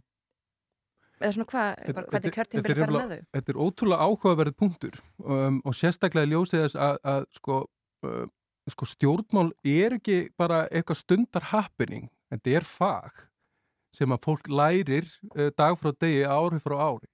Um, og verður annarkort færi stjórnmálamenn eða ekki færi stjórnmálamenn en þetta er ekki eitthvað sem þú bara fæðist uh, fullklættur inn í og ég veit ekki hvaðan svo krafa ætti að koma einar, eh, sko, yrði bara borgastjóra fyrstu degi þótt hann hefði átt gott rönni í kostningun. Það er bara engin ástæð til ef við horfum á þetta sem fag og þú þurfur að, að þekkja borgamárum mjög vel, innviði borgarinnar, uh, þá er bara engin ástæð að klæða hann upp sem borgastjóra strax. Það er bara... Þannig að núna er hann bara skóla eitt og er halvt ára Já, þú veist, hann, og hann er náttúrulega í heilmiklu hlutverki. En ég held þetta sé líka að því við vorum að ræða framsóknarflokkin, sko framsóknarflokkin hefur verið mikrostærið í Reykjavík mjög lengi, um, er að koma núna með gott raun, en það eru með mjög lítið bakland. Ég get ekki betur séð en það sé ekki mikið bakland um, sem að getur háð flokki bara mjög mikið vegna þess að stjórnmál er ekki bara einhverju einstaklingar, heldur fjöldarhefingar sem koma saman, uh, leggja sama hug og krafta og það verður eitthvað til og það er náttúrulega þetta baktan sem skiptir gríðalega miklu máli sem ég sé ekki að framsóknarflokkurinn sé með í Reykjavík. Þannig að, að þá ertu við með lítið bakland og algjörlega óreindan oddita framsóknarflokksins sem að uh, er einhvern veginn að þú veist, í starfstjálun til verið að vera borgarstjóður eftir smá tíma. Þú veist, það er pínu staðan. Já, en sko Hildi Björnsdóttir, Otviti Sjálfstæðarsflokks uh, svona gaggrindi sko, einhvern veginn hvernig, hvernig málum var háttað þarna á fyrstu fundum og, og vildi lækka fastinagjöld og annað slíkt hvernig haldið að henni gangi að veita þessu meiri hluta aðhald? Það er hún ekki aðalega bara fara að græða flokkin sína innan þannig að hún fái óskorað eh, sko, umbóð til þess að vera odditin sem hún er fyrir sjálfstæðarflokkin í Reykjavík. Er hún ekki búin að því? ég held að stærsta vandamál sjálfstæðarflokksins í Reykjavík séu innviðið er ekki, þú veist, flokkurum út af við. Mm. Ég held að það sé það erfiðastu sem að Hildur Björnstóttin er að glíma við. Já, einmitt. Þetta eru nokkur eða margir einstaklingar í sama flokki sem að þú er ekki sammála Nei. um hlutin, hlutina. Já. Breiði fylging er ótt sagt. Já, einmitt. Þannig að hérna, já, það geti kannski reynstum svolítið erfitt. Já, En hvað haldið það að verði um Dabi Eggertsson uh, eftir eitt og halvt ár þegar hann lætir á embætti borgstjóra? Haldið hann halda áfram í uh, borginni eða, eða fara bara að finna sér eitthvað annar starf?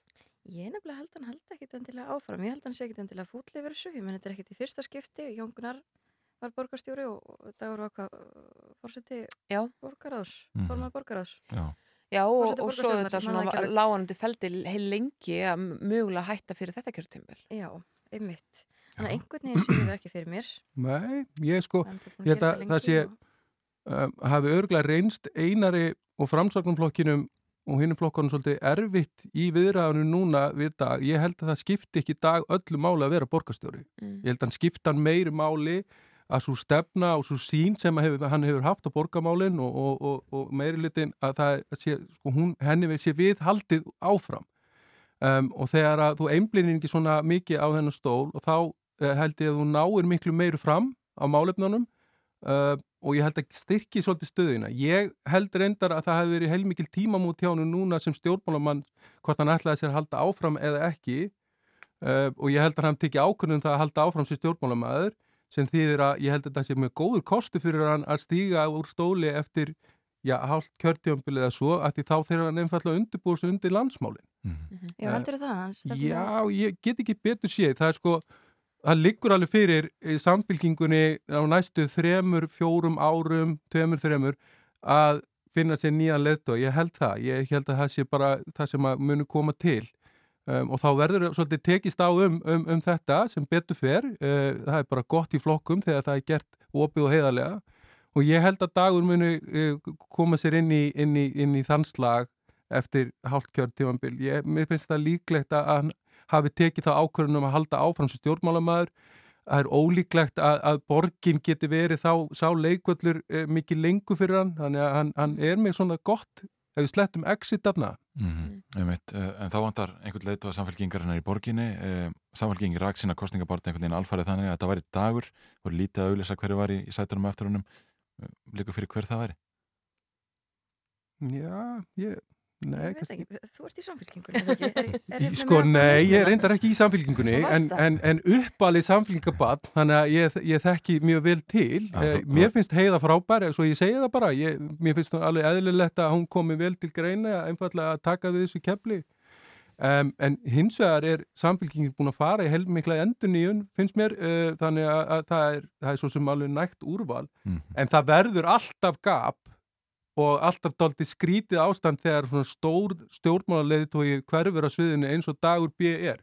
Það er bara þannig. Já. Þannig að það verður alveg pínu uh, áskorun fyrir hérna, samfélkingunni Reykjavík að einhvern veginn að manna þá stöðu ef að það þarf koma til. Setjum tíma músik, Mhm. Pétur Markan, samskiptastöru biskupstofu og Sunna Karin Sigurþórsdóttir, fréttamaður, takk æðislega fyrir að koma og farið frétti vikuna með okkur. Takk fyrir. Takk.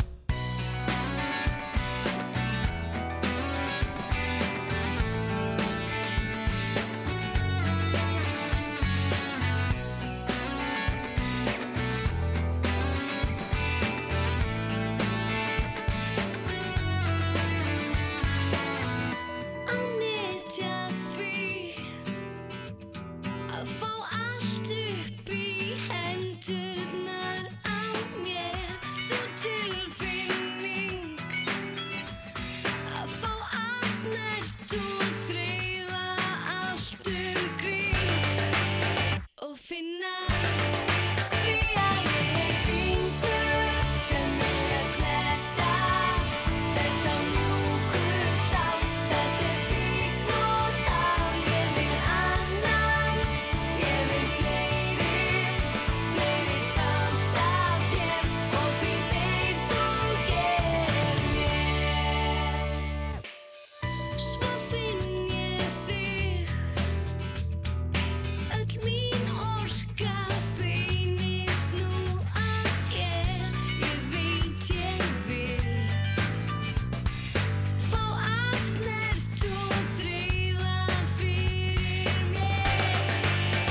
og finna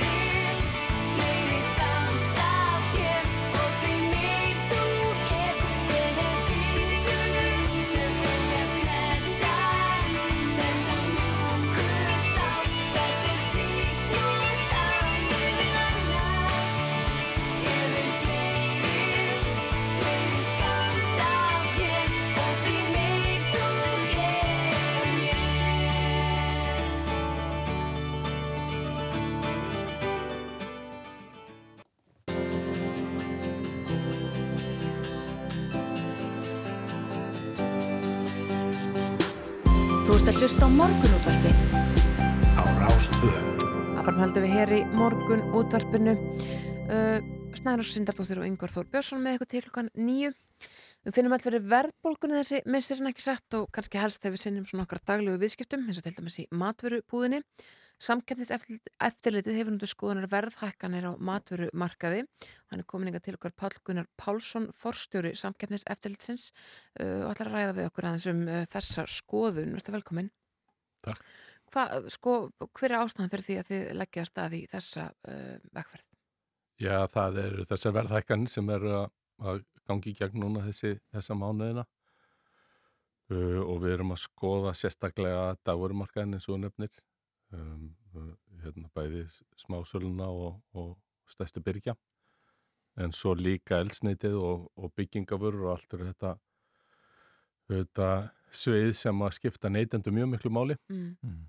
og á Íslandi þá búum við við fákeppnis umhverju á mörgum sviðum þannig að, að, að hérna, þá er hættan svo að, að, að í ástandi eins og þessu þá, þá komið fram samkeppnisbrestir og við erum svolítið að skema eftir því Mm. hvað við getum lesið út úr því sem fyrirtækin er að gera í dag. Það er eitthvað að mata að það er fákeppnis umhverju hér og það er fákeppni á þessu mörgum. Já, það er á, á flestum mörgum á Íslandi eru fákeppnis enginni mismikið, þetta eru fáir stóri keppinundar og við, í slíku ástandi þá, þá er uh, þá er hætta á samkynshindrunum uh, uh, einfallega vegna þess að uh, út af smæðinni. Þannig að eru, það sem þið eru að skoða er hvort að maturverslun, svo er nefni bara ykkur dæmi, bónus, hækki verðið á keksinu um 11 krónur og þá fylgi aðra verslanir í kjölfarið og hækki all, all verðið á keksinu um 11 krónur eða eitthvað. Já, við erum Það að sé sko... svona, eða þess að þú nefnir samkeppnisbrestir, það séu að haldast í hendur þessar verslanir þegar kemur að hækun. Já, við erum að skoða hvað við getum lesið út úr, út úr svona þróum framleiðar, hérna, afkomu þessara fyrirtækja uh, og það eru þetta þannig að í, í, uh, í virku samkjömsumkurfi þá á ekki að vera einfalt fyrir fyrirtæki sem að verða fyrir hækkunum að, að fleita verðhækkunum út í verðlægið uh, einfallega vegna þess að að samkeppnin á að tempra það Mhm. eh, hún, hún veldur því að fyrirtækin eh, vilja eh, bjóða neytendum sínum eins gott verðin svo mögulegt er og þess vegna leita þau annara leiða eins og Mm. til dæmis að hagra í rekstri sínum eða minka argriðslur eða, eða, eitthvað slíkt áður heldur en kemur að því að, að hækka verð til hérna viðskiptavinnan og og, og við erum bara að reyna átt okkur á því hvernig þetta virkar núna og, og, og náttúrulega í þessu umhverfi líka það sem er búið að vera mjög mikil umræð um þetta og hagsmunna samtöku og stjórnendur að tala heil mikið um hækkun og hækkun að þörf Mhm. Þá er líka rosalega mikilvægt að, að, að hafa gætur á því að, að, slíkar nöðsynlegu verðhækkanir skulum við segja sem að eiga sér stóð í, í, hérna, í umhverfinu og svo framvegis uh, Hækkun á og, og og, eru kannski málefnalegar sko, Mhm. að, að þær smitist ekki út í önnur svið sem að eru, ættu ekki að vera viðkvæm fyrir þessum ytri aðstæðum Já, en þessi mál sem þið eru með aðtugunar, hvernig nákvæmlega eru það að fara yfir þau og, og hvernig á að breyðast við að það kemur já, skýrt í ljósa að það er um samkeppnislaga brotaræða? Já, núna erum við að, sagt, að, að- lesa út úr svona framleiðartölum uh, og, og við erum að sjá hvort við sjáum einhverja vísbendingar í því uh, síðan getum við þá ef við sjáum slíka vísbendingar þá geta það verið vísbendingar um um samkynnishindranir í umgjörðinni þess vegna völdum stjórnvalda. Það getur líka verið hérna, samkynnishindranir í, í, í því bara hvernig markaðirnir eru uh, hérna, uppbyggðir. Svo getur geta samkynnishindranir endur speglast í hátt sem er fyrirtækjana Mhm. Já. og það eru hér reglur til dæmis um um bann við uh, ólumættu samráði uh, það eru reglur um bann við misnótkun og markasándi stöðu og svo eru reglur sem að hérna, sem að uh, komi veg fyrir samkynnishindrandi hérna, samrun og svo framvegis og þetta er allt saman þá tæki sem við höfum og getum metið hvort það þurfa að beita. Mm. Hér er þessum hætti, þætti höfum við hans fjallað um, já bara mikið fjallað um verðlag og við höfum líka fjallað svolítið um sko þessa þennan mikla hagnað þessara fyrirtækja sem við sjáum bara ársfjórungslega er tölverður uh, og í því samingi hefur við svona örkvöru verið að velta fyrir okkur svona samfélagslegri ábyrð þessara stórfyrirtækja sem einmitt eru kannski á dagurumarkaði þess að við erum öll háði að versla matveru af og svo framvegis. Um, og sumur okkar viðmældur hafa bara einhvern veginn tala þannig að, að uh, háhagnaðakrafar sé algjörlega ófrávíkjanleg og eitthvað sem að, að meittaði stein það hérna, sé alls ekki hægt að að slá að henni þó að, að ástandi í heiminum sé eins og það er. Aðrir hafa verið eh, tala svona kannski meira þína átt að það sé eðlilegt að hægra í, rekstri fekar heldur en að velta allu yfir á neytendur. Sko, er ykkur reglur um þetta? Er, sko, er þetta er að segja, herðu þið hérna hjá þessu fyrirtæki þið eru það að hagnast hérna um miljard, segjum það bara en uh, ef allt hefur eðlilegt þá hefðu þið bara að hagnast um 700 miljónir af því að þið hefðu ekki átt að að rukka neytindur um uh, þar sem þið gerðuð? Í þessari umræðu þá er ein og kannski einfaldasta leiðin að einmitt samennast um það að reyna að búa til aðstöður hér og sem flestu mörgum það sem að virk samkeppni ríkir. Mm. Og ef, hérna, ef við horfum á þessi fyrirtæki sem að, sem að við erum að skoða núna og á mörgum öðrum sviðum þá háttar þannig til hér á landi til dæmis að, að lífið sjóðunir eru eigendur að hérna, samtals að, að það talsast stórum hlutum í þessum fyrirtækjum Einmitt. og það er eitt af því sem við höfum haft áhyggjur af á liðnum árum að, að þessi þróun sem hefur orðið eftir raun að, að lífeyris, hver lífeyrissjóður, sérstaklega þá þessi stærri þeir eiga til tölulega stóra hluti, samkjömslega mikilvæga hluti í fleirin einu fyrirtæki og sama markaði, þannig að mm -hmm. þeir eiga hagsmunni í ólíkum, eða sérst í kannski tveimur, þremur keppinautum á sama markað og þetta er svona, segið sér sjálft, er ekki heppilegt út á samkynnslegu sjónamið en þegar lífyrsjóður eru spurður um samfélagslega ábyrð þá myndi ég segja að hérna að, að, að fókusin hjá lífyrsjóðum ætti að vera að þeir væri að starfa inn í, inn í sínum, í fyrirtækjum sínum sem hérna með það að einu, einu stærsta markmiðinu mm. að efla samkeppni sko. mm. að tryggja það að eignarhald er í fyrsta lægi í ólíkum keppinautum uh, hérna, hindur ekki samkeppni uh, og, og snúa því frekar á hinvegin að, að, að, að þeir uh, beiti sínu aflið til þess að tryggja það að þessi eins mikil samkeppni eins og mögulegt er á þessum mörgum mm. um, lífyrirsjóðir eru þetta batteri sem að ættu uh, í huga mjög margra að vera að hugsa um samfélagslega ábyrg og það að þeir hugsi um virka samkeppni er eina auðveldasta leiðin sem þeir hafa til þess. Já, einmitt. Komum sér ekki lengra í, í þetta skiptið Pál Gunnar Pálsson, fórsturi samkeppnis eftirlitsins. Takk fyrir að koma til okkar í morgunundarpið. Við ætlum að fá eitt lag og ræðið sem við Magnús Linn Reyðarsson, fréttamann stöða 2. Já, ef við skattast ekki þá er hann statur á Norðvesturlandi.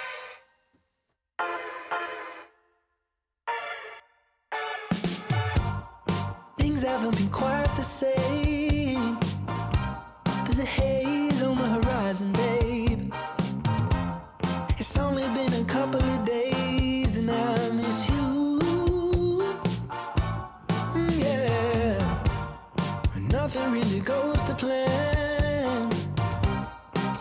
it or break you can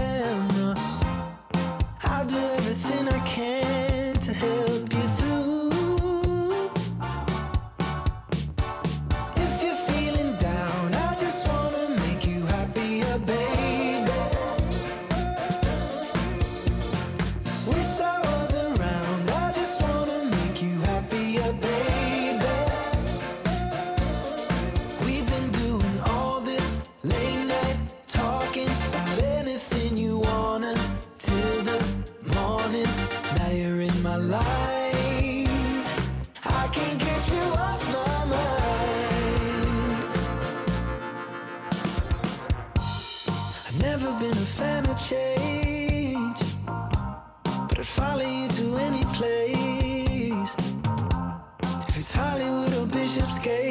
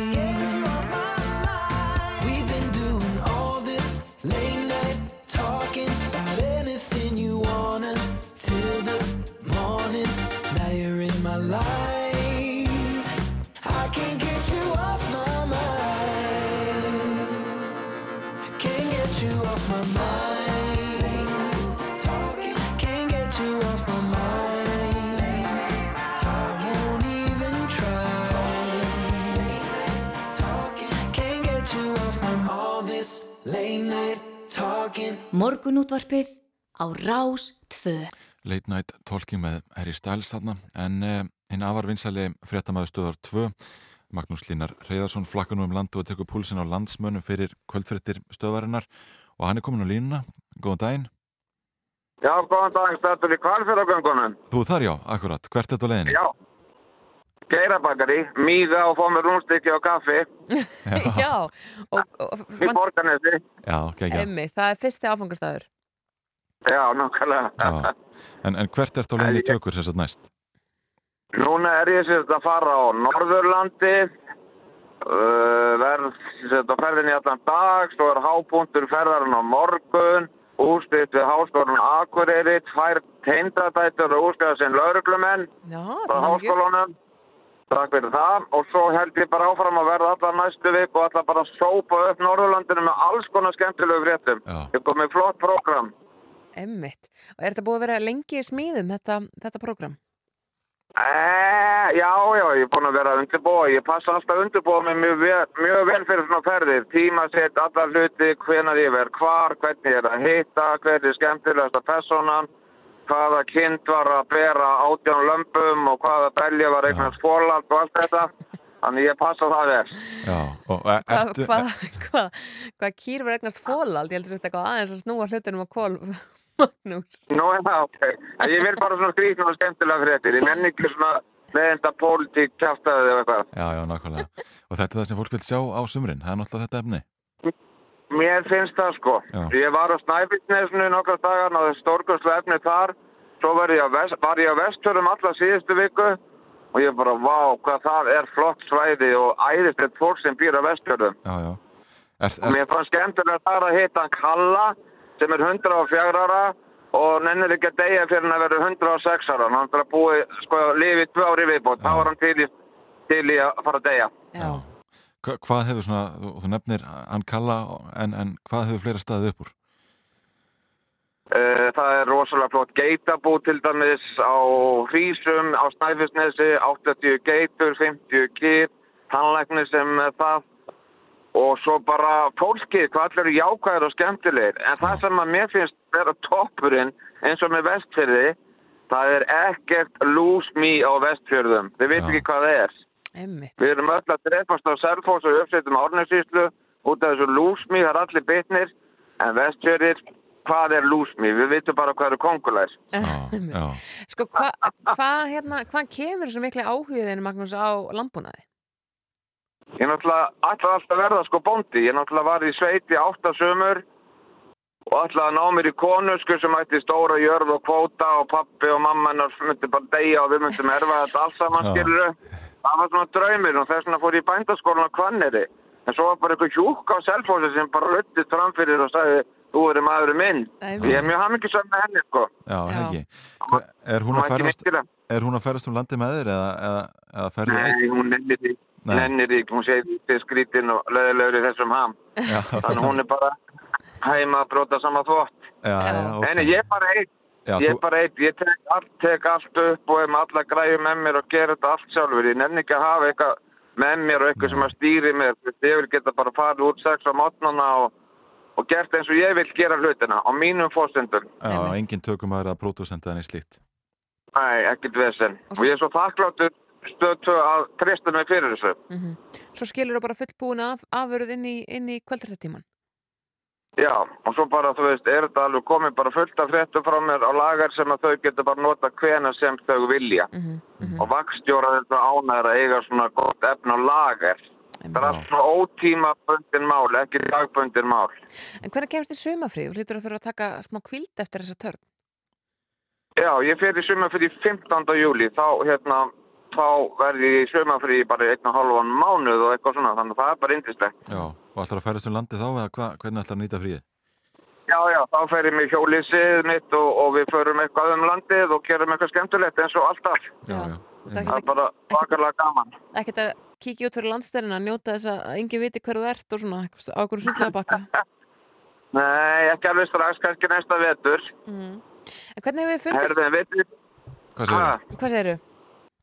ég ætla bara að segja eitthvað sko, ef ég verið guðni fósiti, þá myndi ég setja fálkaorðin og alla þessar lauruglumenn í fíknefnamálinu 17. júni.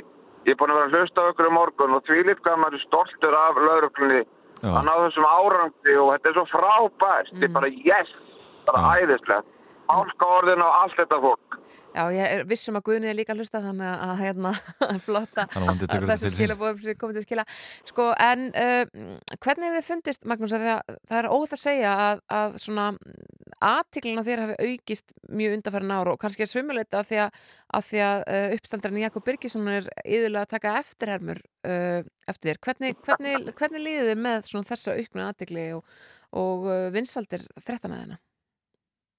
Æ, ég veit ekki, ég er ekkert að spá í það og finn ekkert fyrir því. Mér finnst þetta bara allt svo æðislegt og alveg saman þó að fólk sé að herma eftir mér og gera grína mér. Ég tek því ekkert nærið mér, ég er bara stoltur af því og mér finnst bara svo gaman hvað við eigum fallegt land, hvað margir er að gera jákvæða hluti. Við verðum að einblýna á þessu jákvæða hluti. Það er allir að gera svo frábæra hluti eitthvað stað. Að bara finna það og þefa það uppi. Já, þú Og segja, ég er bara stoltur, stoltur af mínu verkum. já, já. Þú er náttúrulega einstætt neð fyrir að að finna einmitt e- þetta mannlega og fallega í, í þjóðinni. Já, nákvæmlega. Ég til dæmis að fara í dag og blönd og svo prjónahátti sem eru alla helgina. Hugsaðu ykkur, mörgund konur og kallar að koma saman og prjóna. Er það ekki fallegt? Jú, jú, akkurat, akkurat. Þú ætlar ekki að taka þátt í því sjálfur? Já, sjálfsög. Ég fyrir heita pottin og prjóna náttföt á mig eða eitthvað. Já, já, einmitt, Ah, einmitt. Það er alltaf reyndilegt. Já, já, akkurat. Þú ert á leiðinni norður í dag og, og hvert er förinni síðan heitið? Og segi, ég verð enda á Akureyri og verð þar með bækistöð og svo er ég bara að fara út um allt svæðið, Söðakrók, Húsavík, Siglufjörð, allstað. Og ef einhver er að hlusta sem er með einhverja skemmtilega ábendingu þá má senda mér skilabóði, enga skilabóðum á Facebook. Ekki ringi mér, nenni ekki að svara, svo er þetta að svara þegar ég er að keira svona mikið. Það býtt að fá enga skilabóð á Facebook. Og svo fer ég á Östurland og verð viku þar og allar hugmyndir veltegnar. Já, já. Algjörlega. Við þökkum fyrir að taka síman hérna og spjalla okkur morgunúndarspinu.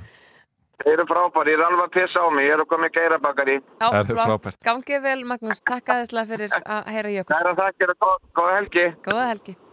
Við fyrir að þakka fyrir okkur í dag, Snærós. Við erum búin að fara vitt og breytt um, í þættunum. Við byrjuðum í Grímsheim, það sem það er verið að reysa sólarsellur og kirkju Já. á sama tíma. Sólasölunar rámagnir er veitt inn í félagsemili við vorum svona aðeins að gantast með það að það ættu að bjóða ykkur með þessum sólarsveitum hér Já. til að halda fyrsta uh, sveitaballið sem er kyrt á sólar uh, sólarrámagni Já, já, akkurat. Við rættum stöðun á, á hlutabriðamarkaða við um, Gustaf Stengrunsson sem hefur nú reglulega komið í þáttinn til okkar. Mhm. Rættum með mitt eins og Magnús Linur kom inn og þá rættum við við uh, Karl Steinar Valsson, sviðstjóra alþjóðsviðs ríkislauruglustjóra um þetta já, umfangs mikla fíknefnamál sem greint frá frá í uh, á blaðamannafundi í ger. Já, emitt og við heldum að fara að ræða það mál við þau Sunnu Karin Sigurþórsdóttur, fréttakonu og Pétur Markan, samskiptastjóra hjá Biskupstofu. Það meðal annars út af uh, ja, símtölum Sunnu og andra blaðamanna sem að, lauruglan ákvaða svona opna máli fyrir almenningi og halda. Já, já. Gera reynd fyrir sín dyrum eða svo orða komast. Já, já, akkurat. Það má nú alveg geta þess hérna í lokþáttar á um, hvernig veðri verður um helgina. Já. Það er uh, norra auðslag átt 15, ja, 5 til 13 metrar á sekundu en, en 10 til 15 með söður og söð austurströndinni fram til degi uh, svipað veður á morgun og sunnudag um, á sjómanadaginn þá er norrlega 8 5 til 10 en vestan 8 til 13 siðst og svona dáli til regning eða súld á norður og austurlandi en úrkomi lítið síðdeis Já, og svo ætlar Dóttir litlega að bjóða upp á lagalista fólksins í morgunverkunum hér rétt eftir nýju fréttinar. Uh, hann ætlar að taka forskot á sæluna, halda 10. júni hátilegan með íslenskum tónum á lagalista fólksins því að það er þetta 17. júni næstu viku og því fagnar, já, mér þjóðast Magnús Linur sem er svo ánægða með landa þjóð. Og við líka, takk kærlega fyrir okkur í þessari viku. Góða helgi. Góða helgi